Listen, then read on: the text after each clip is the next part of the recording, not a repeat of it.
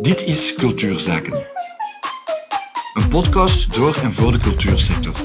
In dit tweede seizoen gaat Aminata Demba in gesprek met cultuurwerkers over het boeiende parcours dat ze hebben afgelegd, over hun ondernemerschap in cultuur. Laat je inspireren door verhalen die van cultuur een noodzaak maken. Welkom iedereen bij mij aan tafel. Stef van Loveren, multidisciplinaire kunstenaar. Die studeerde vrije kunsten aan Central St. Martins in Londen en Sint Lucas Antwerpen. Uh, zijn praktijk wordt gekenmerkt door video-installatie, foto- en collagewerk. Deze dagen neemt hij ook zijn eerste stappen in de podiumkunst. Heb je dat allemaal goed verteld, Stef? Ja, dat klopt. Het is inderdaad niet zijn, maar uh, hun. Hun? hun? Ah, ja, ik had het zo goed. Maar ik ben er absoluut niet zo streng op. En uiteindelijk uh, pas ik overal een beetje in. Dus in dat opzicht ben je nooit echt verkeerd. Okay. Zolang het niet enkel eenduidig blijft. Voilà. Ja, super. Bedankt voor de correctie trouwens. Um, hoe is het voor jou allemaal begonnen, uh, je kunstenaarschap? Wel, uh, ik ben uh, begonnen aan de kunsthumaniora, dus eigenlijk in het middelbaar. Dat is zo wat de eerste connectie of de eerste kennismaking met kunst. Ik zat daarvoor eigenlijk uh, in een toegepaste richting. TSO, ik had eerst ASO, dan TSO. En dat vlotte niet per se binnen in de school hoe dat het zou moeten. dus ja, het was duidelijk dat ik daar niet op mijn plek zat. en dan was er heel grappig en... Um, een oefening of een, uh, een opdracht tijdens Nederlands, waarbij dat we foto's moesten gaan nemen uh, in de stad Antwerpen. Uh, en ik weet nog heel goed dat ik dan uh, mijn fototoestel van mijn, van mijn moeder mocht lenen. Dat was zo'n klein fototoesteltje. En ik ben daar nogal wild mee gegaan. En ehm, dus mijn foto's waren absoluut niet de conventionele kadrages, et cetera. Nu, dat was afgegeven aan, uh, aan die leerkracht van Nederlands destijds. En die had dat voorgelegd aan een vriend van haar, dat fotograaf was. En die zei, je moet er iets mee doen. En die is eigenlijk zo dat ik beland ben op de kunstmajora. Want dan ben ik gaan zoeken van, oké, is er een andere school dat, dat misschien iets meer geschikt is voor waar dat ik pas of, of hoor. Of, mhm. of zonder daar eigenlijk heel bewust uh, van te zijn dat misschien kunst iets is waar dat ik aanleg Ik was altijd wel aan het tekenen, ik was altijd aan het schilderen of aan het knutselen, maar dat was nog heel allez, jong en naïef. Hmm. Eh, en het is eigenlijk zo begonnen. Ik ben dan naar de kunsthumaniora gegaan, daar audiovisuele vorming uh, gaan volgen. Dus dat was foto en video. Dus dat was mijn eerste kennismaking met het medium foto-video.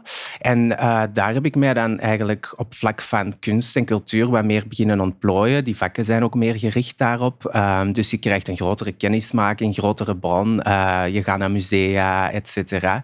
En daar kom je eigenlijk voornamelijk echt in contact met, met, met kunst. Eh, daar zijn heel veel soorten richtingen. Dus ook op de schoolplaats. alle mensen die daar zitten zijn daarin geïnteresseerd. Dus je omgeving is ineens veel geduid in die richting. Dus er komt ineens een hele grote bron van inspiratie, informatie op u af. En dan beseft je van oké, ja, hier hoor ik misschien al ietsje, ietsje meer thuis. Dus, dus je bent echt in een hub terecht geraakt. Ja. Uh, je studeert dan af van secundair. Hoe was die beslissing voor de hogeschool of de universiteit dan uh, heel eenduidig voor u? Heel duidelijk?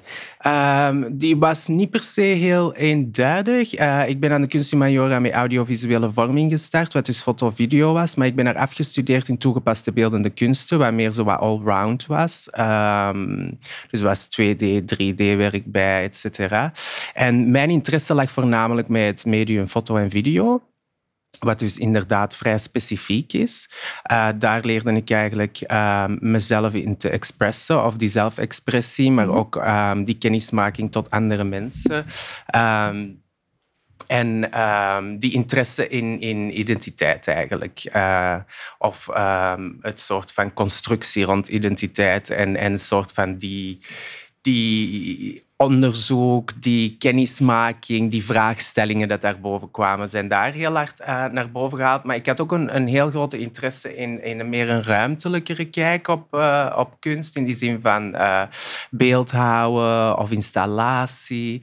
Dus mijn stap naar de hogeschool was daarin eenduidig, maar tegelijkertijd ook nog vrij en open. In die zin van het kon alle richtingen nog wel uitgaan. ik ben toen naar Sint-Lucas gegaan. Ik heb daarvoor gekozen om ehm, bij de inlichting toen van de de mogelijkheden of de keuzemogelijkheden, ze spelen daarmee ateliers. En een van die ateliers uh, was foto-video en je kon er twee combineren met ruimtelijke. Dus ik wou eigenlijk die combinatie maken. Nu, net toen ik begon, hadden ze dat opgesplitst in foto en video. Dus dan heb ik uiteindelijk foto en video gedaan, maar dat was onder de vrije kunsten, dus je zit daar toch met iedereen samen, dus je komt toch met iedereen in contact. Dus het medium foto-video is wel uh, duidend gebleven binnen dat parcours, maar wel met die instap of dat inzicht van oké, er, er, er is meer ruimte voor, uh, voor andere mediums binnen te laten in die praktijk. Als je nu terugkijkt naar je hele parcours, zou je dan kunnen stellen dat uh, de belangrijkste fundamenten in die schoolcontext toch wel uh, ge, zich ge, gezet hebben? Ja, op zich wel, ja, inderdaad. Het ding is natuurlijk, in zo'n schoolcontext krijg je een, een, een, soort van ruimte. Ik kom bijvoorbeeld van een, uh, een achtergrond uit een gezin dat niet per se met kunst bezig is. Dus van thuis uit, alleen mijn vader kon goed tekenen en zo, et cetera. En uh, als wij eens ergens naar een stad gingen, dan kwam er af en toe wel eens hè, een, een, museum, maar niet in die richting van oké, we gaan nu echt kunst kijken en we gaan over kunst uh, spreken. En we gaan... Dat was er allemaal niet echt um, in, een, in een grote overvloed bij. Uh, en in zo'n schoolcontext is dat natuurlijk wel iets waar dat er uh, een deur open gaat, die dat natuurlijk van alles loslaat. Um, en uh, in dat opzicht is, is die schoolcontext wel heel duidend geweest om eigenlijk mezelf daarin te herkennen of mezelf te vinden binnen in die context. Ja. Um, dus dat is een duidelijk, een duidelijk gegeven binnen in, in dat parcours geweest. Uh, ja. En dat is alleen maar um, uitvergroot geworden door daar verder in te gaan en die keuzes verder te maken en zo je omgeving ook op te bouwen. Je leert mensen kennen, ja. um, je maakt daar vrienden en, en je onderbouwt toch wel een soort van ruggengraat of structuur rondom je heen ja. dat, heel, allez, dat heel specifiek cultuurkunst is. Ja, ja, daar gaan we het later nog eens over hebben. Uh, maar daar is zeker dus de basis gelegd geweest van je passie, hè, daar, uh, dat je daar hebt kunnen ontdekken. Uh, hoe heb je dat aangepakt? De overgang van schoolcontext naar reële context. Van, ik, nu zet je de eerste stappen ja, eigenlijk in het veld, de arbeidsmarkt. Hoe heb jij dat specifiek aangepakt? Wel, uiteraard, als je een kunstdiploma hebt en je stuurt, studeert daarmee af, het is niet dat je direct in een rijtje staat voor een jobaanbieding. Dat is iets heel autonoom. Dus in dat opzicht creëer je dat een beetje zelf, wat dus eigenlijk helemaal geen gemakkelijke is, omdat je eigenlijk ergens precies afstudeert en van nul moet beginnen. Mm -hmm. En met van nul moet be beginnen bedoel ik dan niet um, dat je al de bagage die je hebt opgebouwd, dat die voor niks was, maar dat je inderdaad uit die, die schoolstructuur valt. Uh, en dat is eigenlijk een veilige kon, een soort van safe space, waarbij dat je daar zit met een specifieke reden en je, gaat, je hebt je agenda en, en dat is volgeboekt en, en je doet dat. En dan daarna is er natuurlijk zoiets als de reële wereld, waar dat je ineens centjes moet verdienen om mm. dat te kunnen doen, et cetera. Um, het ding is, ik heb uh, een soort van um, mooie uh, afsluiting gekregen, zal ik maar zeggen, uh, tijdens mijn afstuderen uh, in Sint-Lucas. En dat was uh, via Morfo, dat eigenlijk een startschotprijs gaf. En ehm, je kon kiezen tussen een som geld of een atelier een jaar lang gratis. En ik heb toen voor de atelier gekozen, ehm, maar uiteraard moest ik ook... Um, geld verdienen. Dus ik heb dan horeca gedaan, ik heb in de retail gestaan, dus ik ben daar vol een bak in gedaan, maar wel altijd met het idee van oké, al die centjes dat ik verdien, die komen mee terug naar het atelier om daar verder te experimenteren en die praktijk die je zo gewoon bent geworden van op school verder te zetten. Dus mm -hmm. die vraagstukken verder te ontwikkelen, nieuwe dingen experimenteren, met nieuw materiaal in aanraking komen. Nu, het ding is, als je in retail staat of in horeca, dat absorbeert of dat slorpt al, al je tijd soms bijna op, dat je bijna nooit op dat atelier bent. En dan ben ik eigenlijk andere inzichten gaan, gaan beginnen zoeken, waarbij dat ik eigenlijk uh, de skills die ik heb uh, geleerd doorheen mijn studie, waar het medium foto en video voornamelijk ook uh, naar voren uh, kon schuiven of heeft geschoven gaan inzetten eigenlijk om ook dat meer als job te gaan bekijken. In die zin van, uh, los van de autonoom praktijk, wat ook een job is, mm -hmm. maar um, iets dat, dat een soort van langzamer proces heeft. Uh, En dus heb ik eigenlijk daar meer uitvoerend ehm, in ingestapt door uh, collaboraties aan te gaan, door in functie van andere mensen te werken en dat eigenlijk als een soort van uh, tool gebruikt om ook eigenlijk financieel mezelf wat te kunnen onderbouwen zonder volledig detached te geraken van, van die kunstpraktijk. Dus heb je dat echt ervaren als een soort van spanning tussen... Ja, enerzijds moet je kunnen overleven en een financiële zekerheid hebben en anderzijds ja, moet je ook blijven groeien in die kunstpraktijk dat je toch al had aangeraakt en waar je een heel duidelijke visie in had. Hoe heb je dat ervaren? Ja, dat was wel een spanning. Ik denk, het ding is, je, je realiseert jezelf dat je eigenlijk uit een soort van geprivilegeerde kokon komt, hè, van op school te mogen zijn, um, waarbij dat je tijd kan nemen om die zaken te doen. En tijd kan nemen om volledig die praktijk eh, te onderbouwen en daar uren, uren, uren in te steken vanaf dat je daar buiten stapt. En je, je, je, je zet jezelf in de retail, je zet jezelf in, in um, de horeca. Ja, de tijd uh, die dat je hebt voor in de atelier te zitten of voor, uh, voor die studie verder te zetten, is een, valt een, een, een serieus deel van weg.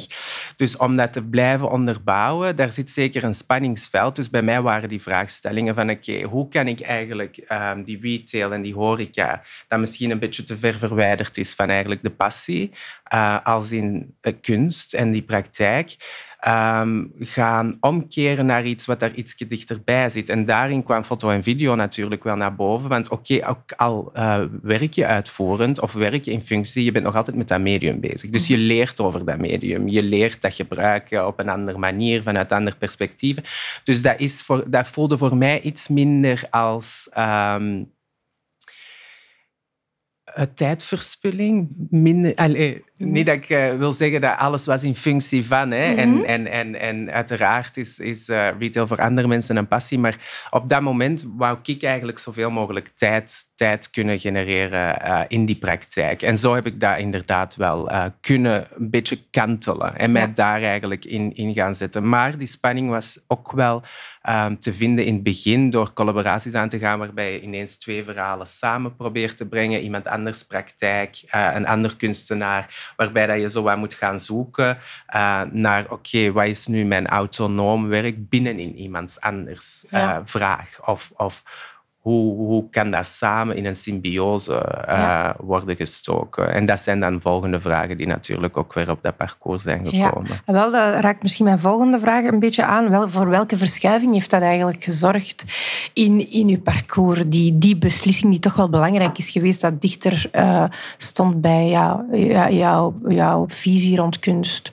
Ja, dat heeft terug een verschuiving gebracht op vlak van oké, je komt terug iets dichter bij dat creatief proces. Dus uh, je bent terug opnieuw creatief bezig. Je kan terug creatief nadenken. Er zijn weer andere oplossing, vraag... Uh, antwoordsystemen uh, daar rond, um, die iets expressiever kunnen behandeld worden en ervaren worden, wat een heel fijn aspect daarvan is.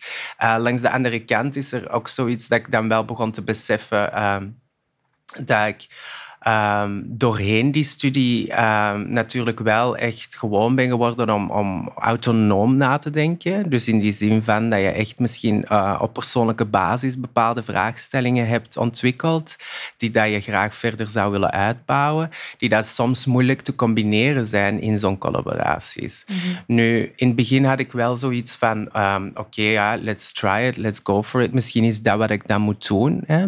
In die zin van, oké, okay, ja, uitvoerend en die foto en video, dat, dat loopt al iets smoother om te zeggen van oké, daar kunnen we financieel onszelf voor onderbouwen en dat is, kunnen dat ondernemen en, en je leert mensen kennen, een nieuw netwerk waarbij dat, uh, mensen beginnen vragen voor foto's of video's te maken en dat heb ik echt wel een tijdje gedaan met alle plezier. Um, maar daar kwam dan wel ook een, beetje de spiegeling of, of, of het, uh, de spiegel naar boven van, ah ja, oké, er is effectief wel zoiets ontwikkeld binnen in mij en in die praktijk dat een belangrijk aspect is. En dat zijn die vragen rond uh, body politics en queer theory en genderstudies, die niet altijd zo evident in die jobs um, te implementeren. Ja, en voor alle duidelijkheid, je hebt het over enerzijds jobs die je uitvoerend om geld, uh, ja, om Ja. geld te genereren, om inkomsten te genereren. En eh, daarnaast had je ook nog je praktijk dat je uitbouwde, waarin je onderzoek en die bepaalde vragen eh, daar tegenkwam. En dat bestond naast elkaar, waardoor ook, ook een soort van spanning, eh, Exact. omdat je bij het een het andere niet kon doen. Eh, Ja. Wat vond je daar het moeilijkste nu, nu aan, aan die fase? Die fase, omdat ik ben daarin begonnen met het gegeven van dat werd nog altijd onder dezelfde naam ook ehm, beschouwd. Dus dat was zo, je had je autonoom praktijk en dat was ja, Stefan Over, laten we zeggen. Allee, ja, dat was onder mijn naam.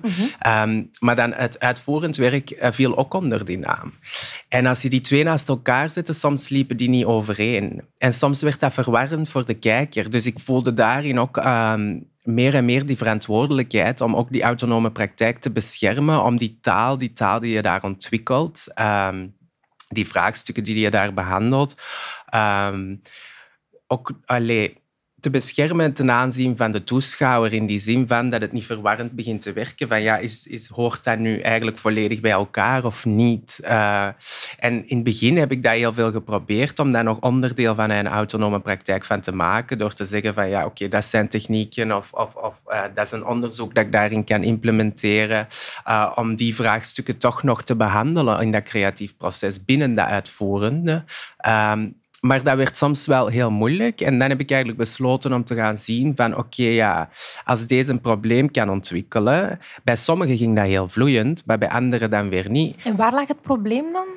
Het probleem lag zich meer als je, uh, als je bijvoorbeeld iets heel uitvoerend doet, dat bijvoorbeeld uh, best een commerciële opdracht is, dat iets, iets, iets verkoopt, of laat ons zeggen een, een modestuk verkoopt, dat puur en alleen om dat gaat. Ik heb bijvoorbeeld met Dries van Noten gewerkt, uh, Mugler, et cetera. Uiteindelijk, hun hebben hun wereld. Uh, op dat moment moet je bijna stoppen om te gaan zeggen van ik probeer mijn... Want de functie is, je staat daar als fotograaf en dingen en, en, en hun, hun wereld is hun bagage en daar ga je in mee als dat altijd een symbiose moet worden, dat is te moeilijk en dat klopt soms ook niet altijd. Dus eigenlijk om, om die twee eigenlijk naast elkaar te kunnen zetten, um, heb ik besloten om eigenlijk onder een andere naam te werken. Waarbij dat het gegeven van ook bijvoorbeeld, ah ja, dat is uh, Stefan Lovers werk en dat is Stefan Lovers werk, valt weg. Want uiteindelijk zijn dat twee heel uiterst uh, onderzoeken. Uh, en dat was eigenlijk het spanningsveld waarbij ik wel heb uh, zitten zoeken van oké, okay, ja, waar pas ik dan? En natuurlijk als fotograaf zou je kunnen zeggen van oké, okay, ja, ik ga eigenlijk mijn eigen esthetiek of, of, of stempel uitbouwen binnenin de uitvoerende en dat wordt dan eigenlijk mijn richting. Maar bij mij was dat niet voldoende genoeg in die zin, omdat ik te veel mee eigenlijk die, die kwesties rond, rond zelfexpressie en identiteit uh, um, gevrongen zat. Ja. En daar had ik eigenlijk ruimte voor nodig. Waardoor dat ik eigenlijk heb gekozen om die twee uiteen te zetten, dat het ook niet verwarrend werd in die studie van dat autonoom werk en eigenlijk in dat commercieel werk. Van als je bijvoorbeeld zou googlen, dat je zou zien van oké, okay, dat en dat naast elkaar, dat is niet hetzelfde werk. Wat ik nu in een galerie toon, is niet het werk dat ik uitvoerend heb, Ja. heb ge, ge, geshoot. Ja. Snap je? Dus je bent geëvolueerd van ja, retailwerk doen naar meer uitvoerend werk Ja. dat ligt, dichter ligt bij jouw praktijk. Waar sta je nu in de uitbouw van je praktijk? Ehm, nog altijd even pril, denk ik. ik denk dat het altijd... Ik weet niet ehm, waar ik nu sta. Mhm. Ehm, Je hebt het al een beetje te, aangeraakt. Ja, moeilijk om te bestempelen. Ik weet niet. Ehm, is daar een woord voor, eh, een momentum? Eh, ja, of je, kan het, je kunt het beschrijven voornamelijk. Ja, waar ik nu sta is eigenlijk dat ik ehm, momenteel eigenlijk prominent bezig ben aan mijn autonome praktijk en, en dat er eh, verschillende criteria zijn bijgekomen en mediums. Ik ben nu ook live performance aangegaan, waarbij dat je ook in meer de podiumkunsten terecht kunt geraakt. Ik heb nu bij de single mijn eerste live performance gedaan, dus dat is ook een, een, een groot aspect. Eh, En is dat iets wat dat, een autonome beweging of zijn dat ook dingen die van buitenaf, zoals instellingen of instituten of uh, um, zeg maar die theaters, die dan uw werk ook zien en ook um, ja, denken, dit heeft een plaats in ons huis of werkt dat in beide richtingen? Ik denk dat dat in beide richtingen werkt. Ja, ja want na die video had ik zoiets van, ah ja, oké, deze, deze kan iets live worden. En dat was dan ook een, een, project dat gebaseerd was op The Space of Appearance, uh, waar Hannah Arendt en Judith Butler veel over hebben geschreven. Nu, dat was een studie aan zich. Die dat ik dan verder wou trekken in een live momentum. Ehm, waar dat veel lichamen samen konden komen. En, en binnenin die denkpiste, daar was ik nu al een tijdje aan bezig, maar ik vond daar ook niet de middelen voor om dat echt gewoon ruim en op een goede manier te kunnen doen. Uh, omdat er uiteraard veel bij komt kijken. En doorheen die periode uh, ben ik in contact geraakt met Michiel van de Velde en die heeft eigenlijk die vraag gesteld vanuit de single. Uh, allee, we zijn... Um, in een gesprek geraakt. En uh, dan heeft hij eigenlijk mij de kans en de mogelijkheden aangeboden om het, om het live te brengen. Ja. Zijn er dingen die je zelf heel assertief doet om dat mechanisme van samenwerkingen uh, ja, meer, meer aan te wakkeren? Ja, ik denk nu ben ik daar meer en meer wel zo... Uh, um, we begonnen omdat je als je nu... Um, als ik nu bijvoorbeeld aan een, een volgend project denk um, en ik ga kijken van oké, welke middelen heb ik nodig, dat ik daar meer achter ga. Vroeger was ik meer zo, het komt op mijn pad en nu begin ik te beseffen van ah, maar er zijn wel veel mogelijkheden en dat is misschien heeft ook met een jonge... Uh, uh, een jonge onzekerheid te maken, die je zoiets hebt van, ah nee, nee, ik zal maar niet, ik zal maar niet iets gaan vragen of zo. Dat ik nu wel meer begin te beseffen van, ah, maar die staan ook eigenlijk wel open voor die vragen. En soms is het zelfs wel fijn voor hun ook dat, dat, dat kunstenaars naar hun toestappen. En dat begin ik nu te beseffen. En wat is de trigger geweest van dat bewustzijn? Dat is eigenlijk allemaal zo wat gekomen met die live performance in de single. Dan begon ik ook gewoon inderdaad te zien van oké, ik kom vanuit een beeldende kunst. Uh, dat is meer galerie en instituut uh, um, en white cube, zou ik maar zeggen. Uh, maar ik voel, daar zijn ze soms een beetje veel, veel... Daar ga je niet, stap je niet zomaar naar een galerie. Dat doe je eigenlijk niet. van, hallo, ja, ja, wilt u mijn werk hier ja. tonen? Maar binnenin um, bijvoorbeeld de, de podiumkunsten en performance is er veel meer ruimte voor, omdat er andere onder onderdelen belangrijk zijn. Dat werkt op een andere manier. En daarin is dat heel essentieel zelfs. En heel belangrijk. En moeten wij doen. Ja, voilà. het. Daar moeten we dat doen. En, en dat is nu wel zo'n realisatie die mij eigenlijk ook wel veel vreugde heeft gebracht. Om te beseffen van oké, op die manier kunnen we wel veel ondernemen. Ik was altijd ondernemend in het maken, maken, maken. En dan, hoop, allez, en dan zien van ja, als iemand het oppikt. Of als, als iemand het wil tonen. Um, en dat was zo wat mijn parcours. Maar door, door eigenlijk die shift van live performance begin ik wel te beseffen van oké, er is een ander ondernemingschap dat onderdeel kan worden van die praktijk. Uh, mijn volgende vraag is, uh, atelierwerk maakt belangrijk uh, onderdeel uit van je creatief proces. Hoe heb je dat van in het begin van je carrière uitgebouwd? Dus je hebt al aangegeven hè, dat je een jaar gratis een atelier en ja, dan is dat jaar ook voorbij. En wat dan? Ja, dat jaar is uh, vrij snel voorbij gegaan. Aangezien dat ik ook van, alle, van alles aan toe was dan in retail, ik. Uh, dus ja, ik had zoiets van, oh, het jaar is al voorbij en ik heb hier zo bijna amper gezeten. Um, en, dan was ik zo van, oké. Okay. Um, toen heb ik dan ook die beslissingen genomen om te zeggen van, zet, schuif de skills die je hebt in, in, in het medium foto en video naar voren en probeer daar oplossing in te zoeken om meer ruimte te kunnen genereren in dat atelier. Ik ben dan naar een ander atelier gaan zoeken, um, dan wat meer uit stad gegaan. Uh, en dan een aantal jaar daar. En heb ik ook um, een, een, studio gebouwd waar dat ik um, die kon eigenlijk verhuren. En, en, meer een fotostudio. dat was natuurlijk geen uitgebouwde fotostudio in die zin van uh, degene die daar uh, al fulltime in staan. Maar ik zal ons zeggen, een goedkopere, toegankelijkere mm -hmm. studio voor mensen die daar misschien uh, niet een hele studio willen huren, maar toch de mogelijkheid willen hebben van, van een mooie setup. dus dat is iets dat ik dan ook heb, heb gecombineerd een tijdje daarin. Um, uh, plus dan eigenlijk op, op freelance basis en, en half vast uh, voor een bedrijf ook gewerkt op foto-video. Um, dat dan telkens meer die, die tijd en die uh, financiële ondersteuning kon bieden om inderdaad dat, dat atelierwerk en dat atelier aan zich te kunnen onderhouden. Was dat altijd evident om te combineren? Uh, nee, in het begin zeker niet. Dat is zeker een zoektocht. Dat is ook een beetje een soort van uh, water bij de wijn doen en, en weten in welke functie dat je alles aan het doen bent. Daar bewust van blijven. Um, ook niet vergeten, inderdaad, waarom dat je bepaalde dingen doet.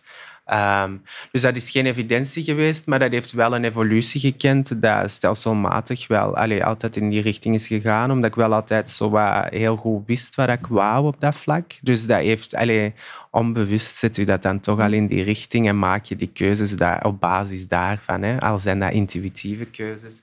Wel, om je werk te tonen ben je ook afhankelijk van tentoonstellingsruimtes of mogelijkheden. Uh, hoe start je zo'n samenwerking met een galerij? Of is dat niet per se altijd via een galerij?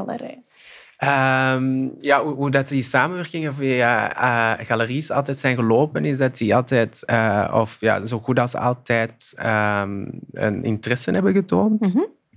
Vaak is dat met atelierbezoeks of, of specifiek werk dat ze willen tonen. En dan um, komen daar vaak meerdere samenwerkingen van.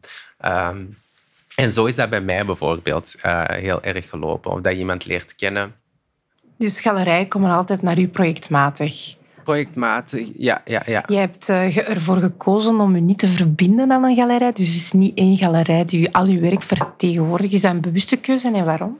Um, het is niet dat ik um, zo de algemene keuze heb van dat ik nooit bij een galerie wil zijn, maar ik heb me wel, ik ben nog jong, uh, tot zeker.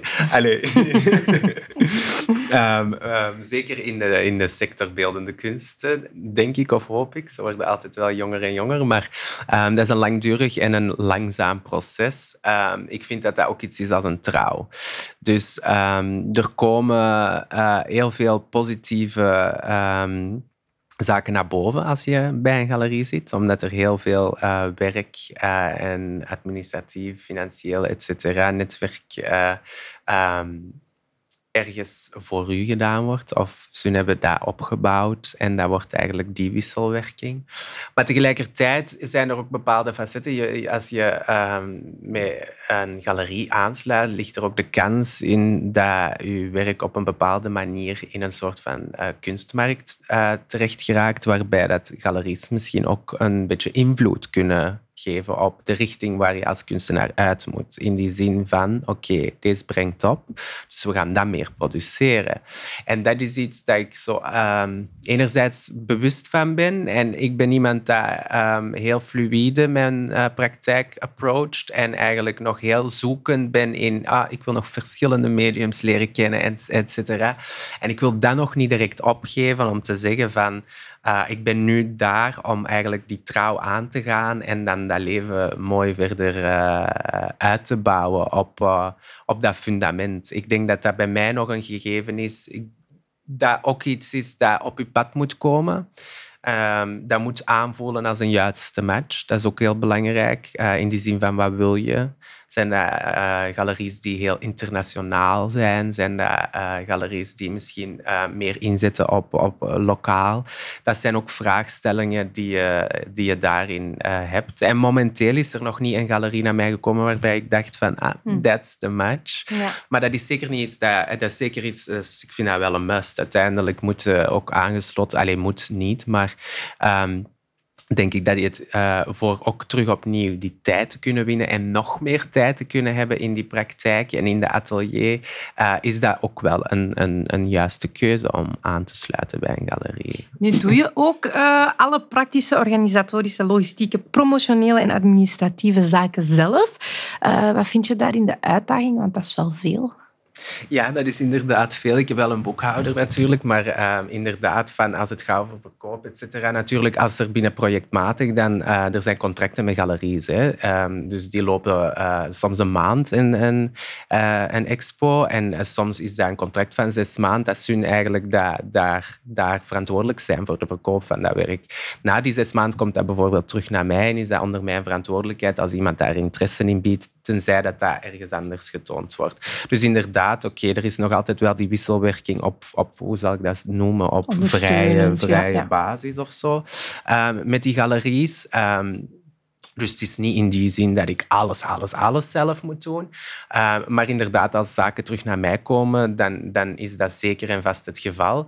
En dan doe ik dat op een manier dat ik denk dat ik dat het beste doe. En dat is uh, zonder eigenlijk uh, een handleiding te hebben, maar gewoon op gevoel af te gaan. En, en oké, als iemand geïnteresseerd is, voilà, ehm, zo gaat dat. Je voelt dat aan. Van, mm. Is dat een juiste persoon? Is dat een match voor dat werk? Et cetera. En, en, en zo start je opnieuw een, een, een dialoog. Ik denk meer inderdaad in, in, in, een, soort van sociale context. En de rest is inderdaad ja, um, jezelf uh, administratief te proberen onderhouden in de mate van het mogelijke. Hoe doe jij dat? Ja, proberen eigenlijk een beetje een, een, structuur te vinden en op regelmatige basis alles zo goed mogelijk bij te houden. En, en um, op dat vlak eigenlijk een soort van uh, consistent structuur te bouwen, waarbij dat je niet ineens uh, voor een boterham staat, dingen vergeet. Uh, en papierwerk laat slodderen, zou ik maar zeggen. Maar dat is ook een beetje trial and error. Want ik moet eerlijk zeggen, natuurlijk is dat niet mijn focus of mijn ambitie. Mhm. Dus ik zal daar ook niet uh, de match made in heaven voor zijn. Ja. Je hebt ook een boekhouder. Hoe helpt die u uh, voornamelijk? En wat zijn zijn kwaliteiten? Uh, zijn kwaliteit, ja, die doet dat heel goed. Ja, die helpt mij eigenlijk gewoon voornamelijk om alles een beetje onder controle te houden op vlak van facturaties en, en, en heel dat financiële aspect, alles op orde te, te, te houden. Dat is ook iemand um, dat uh, al lang meegaat, in die zin van dat is een vriend van mijn vader geweest. Dus dat is ook iemand dat echt het beste met je voor heeft. Mm. Um, ik kan me voorstellen dat je soms ook belandt bij een, een, boekhouder die, die misschien niet al te fijn is om mee samen te werken. Dat gegeven heb ik nooit gehad. Dus in dat opzicht is dat wel een, een, een soort van... Uh, als je mensen uh, in je omgeving hebt die bijvoorbeeld al met iemand goed werken, dat je daarop afgaat in plaats van inderdaad zo de eerste, de beste of zo. Want, ja. Een beetje word to mouth. Ja, voilà. Ik denk dat dat wel zeker een goed gegeven is om zo wat een beetje ook alleen te weten met wie dat je samenwerkt op dat vlak. Ja. Wanneer ben je beginnen nadenken over een structuur? Ik ben zelf begonnen eigenlijk na mijn studie. Als ik dan uiteindelijk heb gekozen om bijvoorbeeld... Ehm, uh, het gegeven van uitvoerend werk uh, onder uh, het medium foto of video wat meer uit te breiden of daar wat meer op in te zetten, ben ik eigenlijk eerst naar een commanditaire vennootschap gegaan, wat een VOF is. Dat is eigenlijk een, een vrij toegankelijke, toegankelijke instapbare, um, zelfstandig statuut. Um, en dat was eigenlijk de eerste kennismaking dat ik toen via iemand die in Mukal werkte op een gesprek hebt gezegd dat dat iets is dat, dat, een goede structuur zou zijn.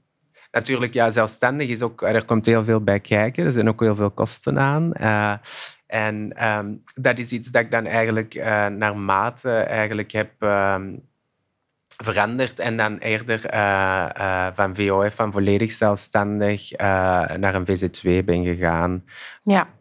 En wat heeft dat specifiek veranderd dan, die verandering? Uh, die verandering heeft ook toegelaten dat je een uh, kan aanvragen. Um, dat heeft eigenlijk ook toegelaten om um, vrijer te kunnen omgaan uh, met samenwerkingen. Um, dus de VZ2 kan ook andere mensen aannemen, et cetera. Uh, en dan kan er meer uh, projectmatig eigenlijk werken. En ik denk in de zin van een evolutie binnen de performance, et cetera, is dat ook het, het, momenteel de beste, de beste manier om dat te onderhouden. Hoe ben je erachter gekomen dat dat de beste manier was? Heb, heb je je daarin laten adviseren of is dat ja, organisch? Door, door gesprekken eigenlijk met mensen van verschillende sectoren bijvoorbeeld een vriendin van mij, Sylvie Crush, die is uh, zangeres, muzikant, uh, zat ook bij een VZ2 um, en dat functioneerde beter binnenin eigenlijk het gegeven van uh, de mogelijkheden of de opdrachten of de soort van tools dat ze deed en, en, en hoe dat, dat ehm, een soort van structuur kon zijn waar dat zij eigenlijk op een, uh, een gemakkelijke en uh, toegankelijke manier kon in uh, functioneren. En dan ben ik daar eigenlijk ook gewoon achter gegaan om te zien van oké, nog met een aantal mensen gesproken van oké, wat zijn daar de pros en cons van? En, en, en voor eigenlijk gewoon die stappen te zetten um, naar eigenlijk een, een, een specifieker kader voor wat dat je echt doet. Heb je op een gegeven moment ook uh, stilgestaan bij een verdienmodel uh, binnen je praktijk en binnen die structuur? Een verdienmodel. Oh nee, dat is misschien zo iets te ver van mijn bed. Um, maar je doet het wel. Ja, ik doe ik heb het, al gehoord, dus vandaar de vraag. ja, ik doe het. Um, maar je bedoelt een verdienmodel. Waar komen nu inkomsten van? Of waar zet je op in, zodat er inkomsten komen? Het ding is natuurlijk uh, dat er bij mij nog altijd die combo is van freelance werk. Hè. Dat is dat uh, uitvoerend of in opdracht van. En tegelijkertijd is natuurlijk een, een, een inkomst het, het, genereren van werk. In die zin van sculpturaal werk dat verkocht kan worden, dat altijd te koop staat. En op die manier. En dan de aanvraag van ehm, van een kunstenaarsartiest ben ik nu aan bezig. Dus dat is, zou eigenlijk die overbruggingen wat kunnen duiden, waardoor dat ik uh, misschien meer ook tijd ga kunnen genereren voor de kunstpraktijk en niet altijd moet terugvallen op, op al die externe jobs. Um, en dat zou eigenlijk een mooie zaak zijn om misschien in een soort van echt full, full force te kunnen gaan, om te gaan zeggen van oké, nu ga ik het volledig uitbouwen. Nu, langs de andere kant weet ik dat... Um, dat die jobs eigenlijk ook altijd uh, kunnen blijven komen uh, in, in, in de moeilijke tijden. Hè. Uiteindelijk een, een, kunstpraktijk, ik ben daar ook heel veel bewust van, wij worden daar niet rijk van of dat is een hele uitzondering. Dat is ook altijd een side effect geld. Dat is ook niet de intentie, dat is niet de insteek. Mm. Um, dus er is altijd wel een soort van overlevingsgegeven bij, uh, maar het mag niet alleen overleven zijn. Het moet ook, je moet ook kunnen creëren, want anders is het een... een een heel jammere zaak. Dus in dat opzicht zijn dat zo wat de, de, de soort van inkomstmodules waar ik op, op inzet momenteel. nog, Heb je het altijd makkelijk gevonden om een, een prijs te plakken op wat je doet?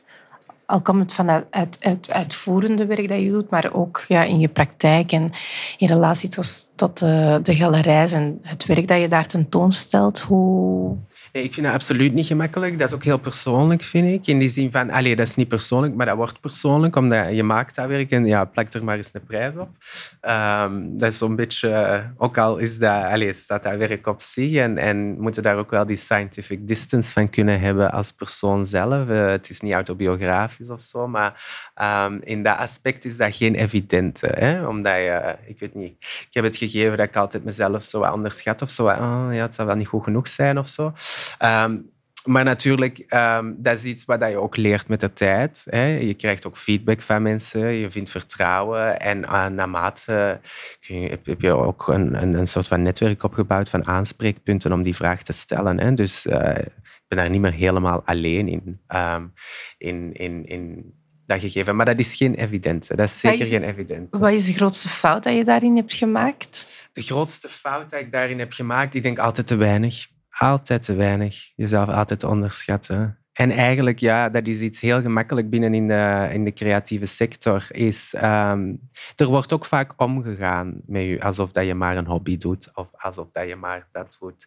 En waardoor dat eigenlijk, en dat merk ik wel in mijn omgeving, altijd het, het, het gevoel geeft dat je toch minder waardig bent door wat je doet en dat je daar dan ook niet veel voor gaat vragen.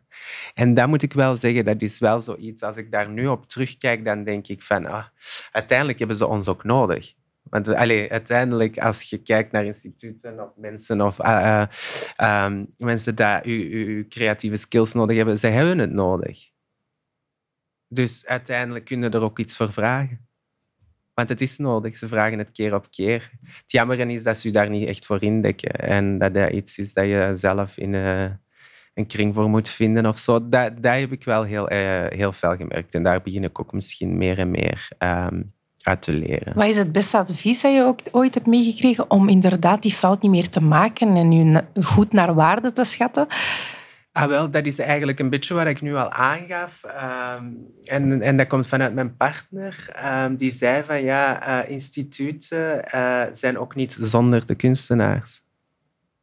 En um, plekken uh, of bedrijven of organisaties zijn ook niet zonder het creatieve aspect.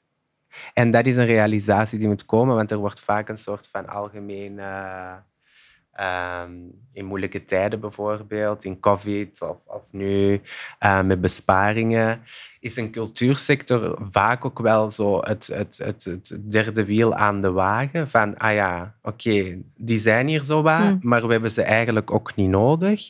En dat is zo een algemene gevoel dat, dat denk ik wel veel effect of invloed heeft op heel veel uh, kunstenaars individueel. In hoe dat ze zichzelf uh, inschatten of zichzelf positioneren of hun eigen waarde uh, stellen.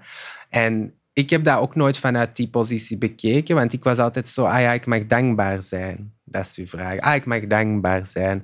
En ik denk eigenlijk het, het leren van te gaan zien van, nee, nee, maar die bepaalde zaken bestaan ook niet zonder, is een realisatie waarbij dat je jezelf wel een beetje terug in een soort van equal right kan gaan zetten. Ja. Wordt dan de prijs beïnvloed door die intuïtie die dan verandert? Of uh, hanteer je daar echt uh, ja, een ander ja, een, een soort van formule of, of uh, andere werkwijze om een prijs te plakken op je werk? Ja, ik denk dat er sowieso uh, modules en marges bestaan ook. Hè. Dus er zijn ook referentiekaders waar je naar kijkt. Hè. En je kijkt ook naar links en rechts en je spreekt met mensen en daarop baseer je dat ergens. Natuurlijk bij sculpturaal werk, dat is iets dat, um, dat een evolutie kent. Hè. Die prijs blijft niet altijd hetzelfde. Die gaat naarmate dat bijvoorbeeld werk uh, in waarde stijgt door de plekken waar dat het terecht komt, uh, stijgt die prijs ook vaak mee. Of een galerie gooit er ineens een beetje bovenop en oké, je gaat daarmee mee. En dat hangt dan ook van hun netwerk en hun cliënteel en hun collectioneurs af. Um, ze hebben hun netwerk, ze bepalen dan de prijs op zich en, en daar ga je ook mee mee dan. Hm. Um, is dan kennis rond dat referentiekader ook een deel van het werk? Altijd mee zijn met wat er speelt op de markt? Ja, ja, ja, ik denk zeker en vast is dat een belangrijk aspect om te weten van, en een soort van uh, groter of, of, te kunnen uitzoomen om het groter veld te kunnen zien van in welke richtingen het aan gaan is. Uh, ik denk dat dat zeker een essentieel onderdeel is van jezelf te kunnen positioneren binnen in het veld, om ook te kunnen ondernemen, om ook te zien en te kunnen vergelijken. want bijvoorbeeld, we kunnen vergelijken tussen instituten, we kunnen vergelijken tussen sectoren, maar we kunnen ook vergelijken tussen landen kunnen ook vergelijken en zien hoe dat bepaalde zaken gaan. Um, hoe zit het met uh, residenties? Hoe zit het um, met bepaalde mogelijkheden? Um, als je uh, een uitwisseling doet. Of, uh, dat zijn allemaal wel elementen waarbij dat je denk ik zo moet uitzoomen om het groter geheel te kunnen zien. Um, en inderdaad op de hoogte blijven en dat intellect gewoon onder controle te houden. Of onder controle op dat te blijven voeden, zal ik maar zeggen. Niet onder controle, maar om daar, om daar alert in te blijven. Is dat zeker een groot onderdeel. Ik doe dat veel te weinig, voel ik soms. Um, maar ik probeer zoveel mogelijk wel zo zicht te hebben door nog, nog naar genoeg expos te gaan. Of... Um, naar grote evenementen of soms fairs. Uh, dat is een heel commercieel gegeven, soms heel mm. verschrikkelijk om daar rond te lopen, maar zo krijg je wel ook een, een, een groot zicht van oké, wat is er nu gaande? Uh, wat is de kunst? Uh, wat is de markt ook? Hè? Want uiteindelijk, we mogen ook niet onderschatten ehm, de dag van vandaag is het, het, het, het kapitalistische systeem heeft ook natuurlijk uh, die kunst ook wel heel hard in een soort van commodity uh, geduwd. En dat is inderdaad wel een, een soort van extreme markt geworden, hè? Mm -hmm. uh, waar het over een soort van aanbod gaat. En dat is natuurlijk ook soms een beetje de, de downfall uh, of het gevaar. Dus daar moet je ook bewust van zijn, inderdaad. En welke kunst komt daaruit? En welke galeries komen daaruit? En, en wie staat waarvoor? Om dan terug te keren op die marriage. Wat is de intentie ook van de galerie? Is dat verkopen of is dat... Of is dat een kunstenaar? Ja, en, en, en, en daar de juiste keuzes in maken. Uh, dus... Over positionering gesproken, eh, zichtbaarheid is geen onbelangrijk gegeven in wat je doet. Hè? En ik heb al gezien dat je op een heel indrukwekkende manier sociale media inzet. Een heel mooie website en zo. Um, daar is allemaal content voor nodig. Zijn je daar heel, heel bewust en heel hard mee bezig? Hoeveel tijd en ruimte en middelen neemt dat in? Um, inderdaad, ik ben daar uh, op zich uh, best altijd wel heel alert in geweest. Ik uh, ben ook beeldend. Dus dat visuele aspect is een, is een groot onderdeel. Dus die website is voor mij wel een belangrijk ding om zo goed mogelijk op orde te hebben. In die zin van dat ik eigenlijk een soort van overzicht kan bewaren. Dat is bijna een portfolio voor mij of een overzicht daar dat ik snel naartoe kan. Uh, als je een lezing moet geven, kun je gewoon de website open doen en alles staat er zo en je kunt vertrekken. Dus dat is een gemakkelijk gegeven om te hebben. Ik vind dat ook iets heel essentieel, al is het voor jezelf. Uh, ik weet niet de dag van vandaag of veel mensen nog op websites komen, om eerlijk te zijn, met eigenlijk de komst van uh, Instagram of uh, alle sociale platformen. Ik heb het gevoel dat daar veel meer genereert. En dat is ook iets dat ik inderdaad um, bewust van ben geweest. Dat ik ook heb... Um, ik heb ingezet, natuurlijk heeft dat ook zijn beperkingen. En dat zijn ook wel zaken die dat ik momenteel een beetje in vraag stel. Want Instagram, uh, hoe hard dat, dat ook uh, een pluspunt kan, kan zijn en hoe een grote bijdrage dat dat ook kan zijn in het, uh, het, het leren kennen van mensen en het netwerk van mensen, geeft dat ook wel een grote vorm van fragmentatie en, en narrowness met zich mee, um, dat ook schadelijk kan zijn, vind ik. In welke zin? In welke zin is in um, hoe dat bepaalde zaken ook weer opnieuw gecommodified kunnen worden en het gevaar inderdaad om... om um, in, in, in aanraking te komen met dingen die te vernauwend beginnen werken. In die zin van um, werk dat bijvoorbeeld um, op, op, een, op een soort van manier uh, kan worden gelezen dat uh, niet verder gaat dan de oppervlakte. Omdat het eigenlijk zo'n procesmatig is dat je snel doorgaat en veel. En dat is anders dan dat je in een galerie stapt of in een museum, waar dat je toch een ander soort van atmosfeer hebt en, en, en, en je wandelt erdoor. Je kijkt er misschien iets langer naar, je stelt er wat meer vragen. Dat heeft Instagram niet. Dus het blijft natuurlijk een soort van ruimte dat inderdaad veel kan genereren. Um, maar in die beperking probeer ik daar nu ook wel bewuster mee om te gaan. In die zin van, oké, wat is het dan juist dat je, dat je plaatst? En dat is ook iets dat recent bij mij meer en meer ook begint binnen te dringen. Want ik heb er heel hard op ingezet. En ik denk, allez, ik zou ook gewoon iedereen aanraden om daar heel bewust mee om te gaan. Op beide vlakken. Ook dat niet helemaal af te schrijven. Want er komen inderdaad ook wel veel opportuniteiten langs dat kanaal. Dat mag ik echt wel toegeven. We kunnen toch wel echt stellen dat jij ja, het voorbeeld bent van cultureel ondernemerschap van uh, een kunstenaar. Uh, wat zijn, als je zo terugblikt op je parcours, wat, is voor u de, wat zijn zo de grootste drempels geweest, als je dat zou kunnen benoemen in een notendop? Eentje dat mij altijd zal bijblijven is um, het gegeven van school, de cocon. Mm -hmm. Het, het, het, het, uh, het bijna ignorant ding gegeven van de privilege, de privilege waar dat je in leeft om gewoon te kunnen maken en, en, en dat een beetje op een manier um, in een illusie zorgeloos te kunnen doen. Uh, waarbij dat ze eigenlijk ook, en ik begrijp dat ze daar niet over administratie of uh, onderneming of, of structurele um, financiële kaders gaan spreken. Um, maar ergens moet je je wel bewust zijn dat als je daar buiten stapt, dat dat wel het eerste is of dat dat wel een belangrijk gegeven is om verder in, in, in die privilege te kunnen blijven. Um, om en wat zijn die dingen dan concreet dat je had willen weten net na de schoolbanken? Bijvoorbeeld kunstenaarsstatuut, dat dat bestond. Om heel eerlijk te zijn, wist ik dat niet de eerste jaren. En ik ben dan ook daarom zelfstandig geworden, eigenlijk uh, freelance beginnen werken, die foto ingezet, omdat ik wist eigenlijk de middelen niet die, dat, die dat er waren, omdat er eigenlijk zo goed als niet over uh, gecommuniceerd werd, of dat werd over gecommuniceerd dat dat niet haalbaar was. Ja. Um, dat dat te ver van, van bed was. En daar had ik bijvoorbeeld misschien een betere communicatie. Of ik was niet alert genoeg op dat moment. Hè. Ik was daar misschien zelf niet in bezig en in die bubbel. Maar dat zijn wel dingen waar dat als, als, als, als ik iemand ontmoet of, of iemand jong, dat ik daar soms zo wel iets, iets laat vallen. Uh, zodat die dan wel op de hoogte zijn van oké, okay, ja, hè, zoek het op tijd uit. Hè.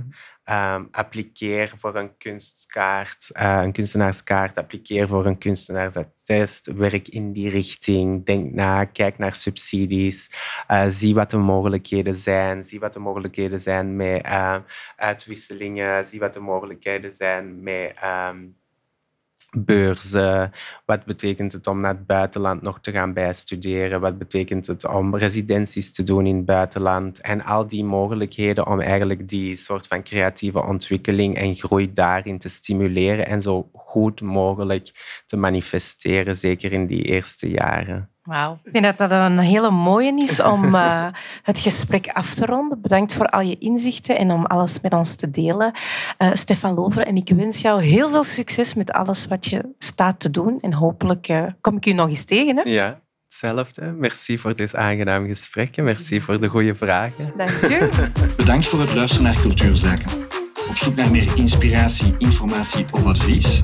Met Cultuurloket maken we meer dan podcasts. Dus check zeker ook onze website www.cultuurloket.be.